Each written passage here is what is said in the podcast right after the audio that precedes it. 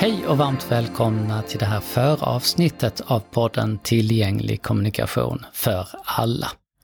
Jag heter Anders Minner och med mig har jag Alma Koko från bolaget Teammeeting som står bakom podden. Hej Alma! Hej Anders! Varför ville ni starta en podd? Ja, alltså vi, som du säger, vi jobbar med tillgänglighet och kommunikation och hjälpmedel som, som eh, hjälper människor i vardagen.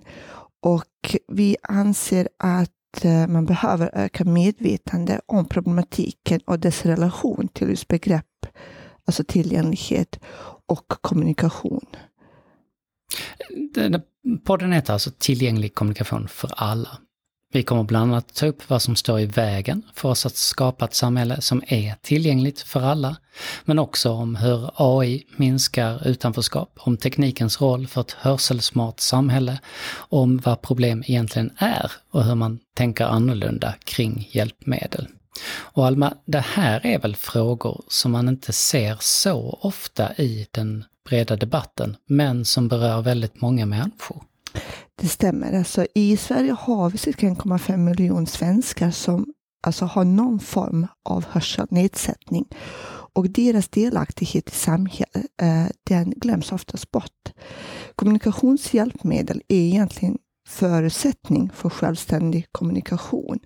Och just den delen eh, vill vi lyfta upp. Alltså hur stärker vi alla så allas röst hörs ute i samhället? Otroligt viktig fråga. I det första avsnittet så blev det bland annat en djupdykning i den allmänna okunskapen kring hörselproblematik och hur det känns för en person med nedsatt hörsel att vara ute i samhället.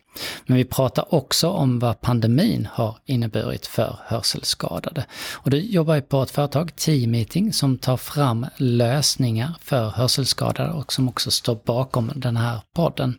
Och det här har varit en grupp som har glömts bort under pandemin, eller hur?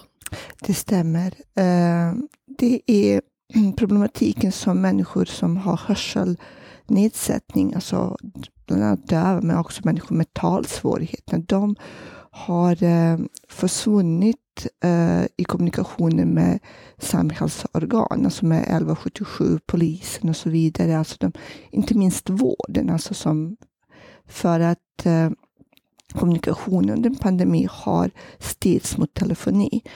Och just den här gruppen har eh, svårt att kommunicera via telefoni om det inte finns tillräckligt bra hjälpmedel för att eh, kunna göra det. Mm. Så vi styrde egentligen om mot en teknik som, som passade dem sämst? Ja. Kan man säga. Det här kommer vi prata mer om i premiäravsnittet. Missa inte det. Podden heter Tillgänglig kommunikation för alla. Kommer finnas ute i november och du hittar alla våra avsnitt där poddar finns och på teammeeting.se där det också kommer att textas. Varmt välkomna att lyssna.